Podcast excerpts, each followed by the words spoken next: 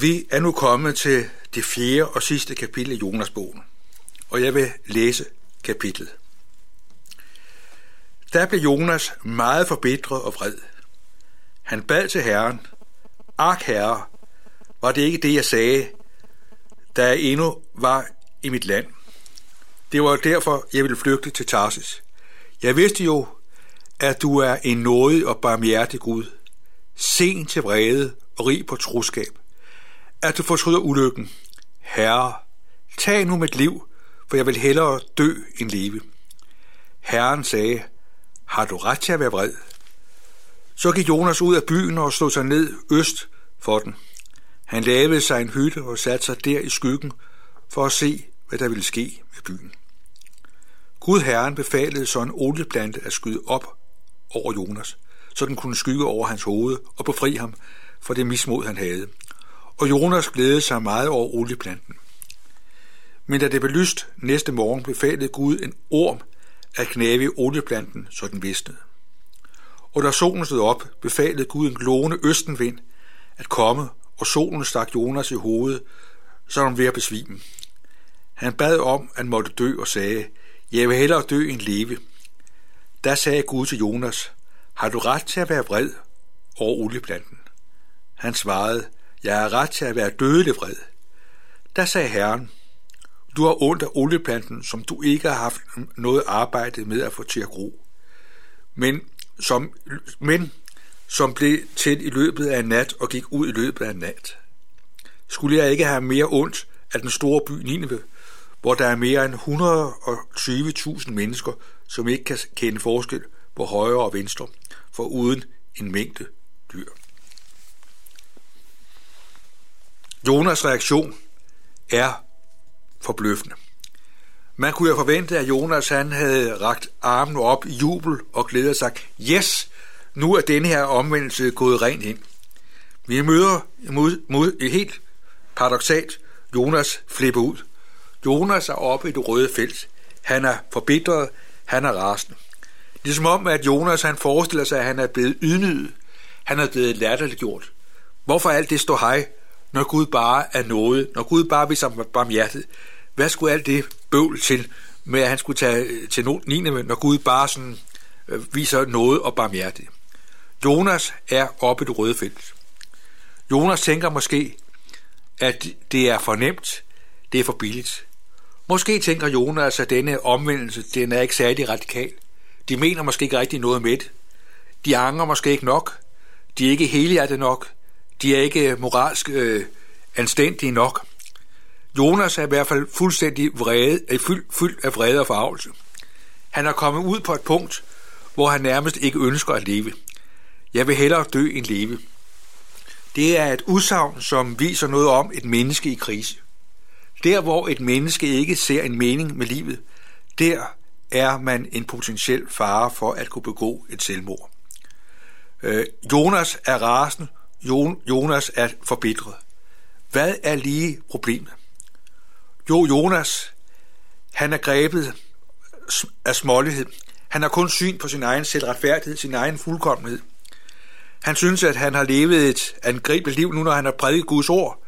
Han synes, at det her det er fuldstændig forarvende og for vanvittigt, at en by sådan uden lige kan blive frelst og blive omvendt, hvis de ikke mener det alvorligt.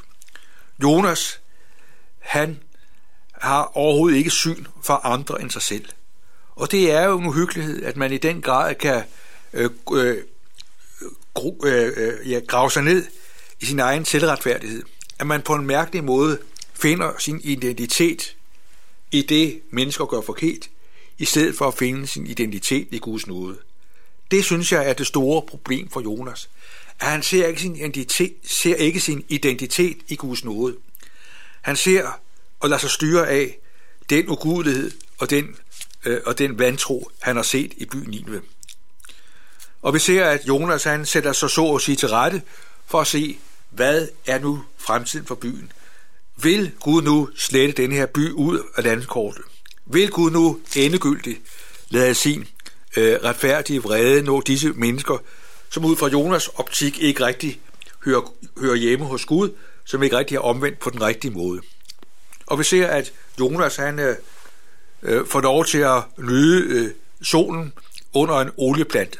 En plante, som bliver ham skygge, og Jonas har nu sat sig til rette for ligesom at se, hvad er nu fremtiden for Nineve? Og Gud er denne øh, øh, øh, palme øh, visne. Der kommer en orm, der slår denne her palme til jorden, og Jonas han er igen op i det røde felt. Han er fuldstændig tosset over, at han nu skal ud i problemer igen. Og Gud lader det ske, for at der er noget, der må gå op for Jonas. Gud vil vise Jonas, at når Jonas er så meget oppe i det røde felt over en olieplante, hvor meget større lidelse og smerte er det ikke for Gud at se en hel befolkning gå til grunde. Gud har et syn, Gud har et hjerte for hver eneste menneske. Gud kan ikke bare uden videre acceptere og leve med, at 120.000 mennesker skal se og gå døden i møde. Gud har en omsorg for hver eneste menneske. Jonas, han har kun syn for sig selv. Han har kun øh, optaget af hans egen vellykkethed, hans egen succes, hans egen medgang. Det er det, som Jonas har syn for, og det gør ham på en mærkelig måde blind og fremmed over for andre menneskers situation og andre menneskers øh, øh, vanskeligheder.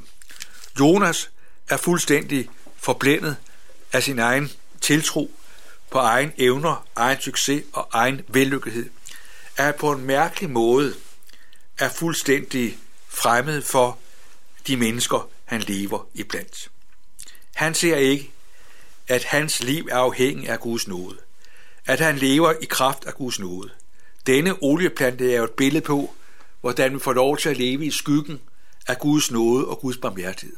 At vi her får lov til at have vores identitet i kraft af Guds tilgivende nåde. Det er en nåde og en barmhjertighed fra Guds side. At Gud er den, der tilgiver os. Gud er den, der forbarmer sig over os. At Gud igen og igen kan leve med vores utilstrækkelighed. At Gud igen og igen er den, der vil og kan magte at bære over, at tilgive og vise barmhjertighed. Det er ikke en selvfølge, men det er Guds gode nåde, at han til stadighed vil lade sin nåde og barmhjertighed være det, der gør, at vi mennesker lever. Søren Kierkegaard siger i en sammenhæng, at et menneske bliver til i Guds nåde. Et menneske bliver til i Guds barmhjertighed. Og det er den forunderlige virkelighed, at du og jeg til stadighed får lov til at blive til og leve i kraft af Guds nåde og Guds barmhjertighed. Det er ikke til at forstå. Det er ikke en selvfølge. Og vi kan nemt overfladisk tale om, at Gud der bare er barmhjertig, en evig og nådig Gud, som bare viser øh, godhed. At vi ikke ser det ud fra Guds perspektiv, at i Guds perspektiv, der er hvert menneske dyrbart. Vi kender Gud som den, der har skabt os, og den, som har givet sin søn for os. For det er jo evangeliet, er Jonas er jo et billede på Jesus. At Jesus gik ind i døden. Han gik ind i døden, for at vi ikke skal dø. Han gik i døden med vores skyld, for at vi skal have Guds nåde og Guds evige liv. At Jonas er et billede på, at Jesus han besejrede døden. Han opstod, han møder os som vores herre og frelser. Og den frelse, som han rækker os, den må vi ikke bare øh, beholde og sole os i for os selv. Det er sandt, vi får lov til at leve i solen af Guds nåde. Men det afgørende er, at Guds nåde og Guds barmhjertighed også får gennemslagskraft i vores liv. Så vi også får syn for, at Guds nåde gælder hvert eneste menneske. Det var som om, at øh, Jonas, han var fuldstændig øh, fixeret af sin egen øh, selvretfærdighed, så han ikke så andre end sig selv og hans egen situation. Sådan er det, når Guds nåde ikke rigtig får lov at få plads i vores liv. Der kan vi blive hårde og kolde og blive underligt ufølsomme over for de mennesker, vi lever blandt. Her er det afgørende, at vi til stadighed lader Guds nåde tø vores hårde hjerte. Øh, kapitel 4 i Jonasbogen har på en måde ikke en, en afslutning. Vi hører ikke om, hvorvidt øh, Jonas igen bliver tøet op af Gud. Og det er jo igen et udtryk for, at det afgørende er ikke, hvordan det gik Jonas, men det afgørende er, hvilken plads får Guds nåde i vores liv. Det er som om, at, at, at Jonas bogen slutter som øh, beretningen Lukas kapitel 15 om, om den barmhjertige far, de to øh, fortabte sønner. At det afgørende er, om den ældste søn blev tøet op af Guds nåde og Guds barmhjertighed. Og sådan er det også afgørende for Jonas, om hans liv på ny blev tøet op og varmet op af Guds nåde og Guds barmhjertighed. Det er det afgørende. Skal solen nå os og varme os, som vi ind i solens øh, øh, virkefelt. Sådan er det også åndeligt Vi må til stadighed lade vores liv leve i lyset af Guds nåde. For kun Guds nåde kan lade hans barmhjertighed brænde igennem og til stadighed give liv og glæde og frimodighed i vores liv. Derfor er det så fantastisk, at vi hver dag får lov til at stå op til en nådedag, hvor vi får lov til at leve i skyggen af Guds nåde. Ikke bare en olieplante, men Guds nåde at give os den, det læg, giver os det ly, som han ser, vi har brug for. Tænk, Gud har et hjerte, der rummer både dig og mig og hele verden. Tænk, at Gud til stadighed kunne bære over med den ulydige og skrøbelige øh, Jonas. Tænk, at Gud er i stand til til stadighed at bære over med os i vores skrøbelighed. Og tænk, at Gud har et hjerte for hvert eneste menneske. Evangeliets rigdom er, at lige så meget som Gud elsker dig og elsker mig, og det er en total virkelighed, lige så meget elsker Gud hvert eneste menneske. Gud er ikke den, der gør forskel og giver sin nåde og sin kærlighed i små portioner. Men Gud er den, der giver os sin nåde, for at den må give os liv.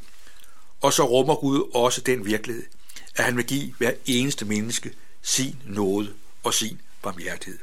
Sådan er Gud i sin nåde. Amen. Lad os takke og bede. Himmelske Far, vi takker dig, fordi du er den nådige og barmhjertige Gud, som vil, at vi mennesker må leve i kraft af din nåde. Så ser du, hvordan at vi kan risikere at havne i en selvretfærdighed, hvor vi kun har blik for vores egen vellykkethed, vores egen succes og vores egen selvretfærdighed. At vi på en mærkelig måde bliver blind og fremmed over for andre mennesker. Vi beder om, at din nåde til stadighed må søge vores hjerte op, så glæden over dig får et gennembrud i vores liv.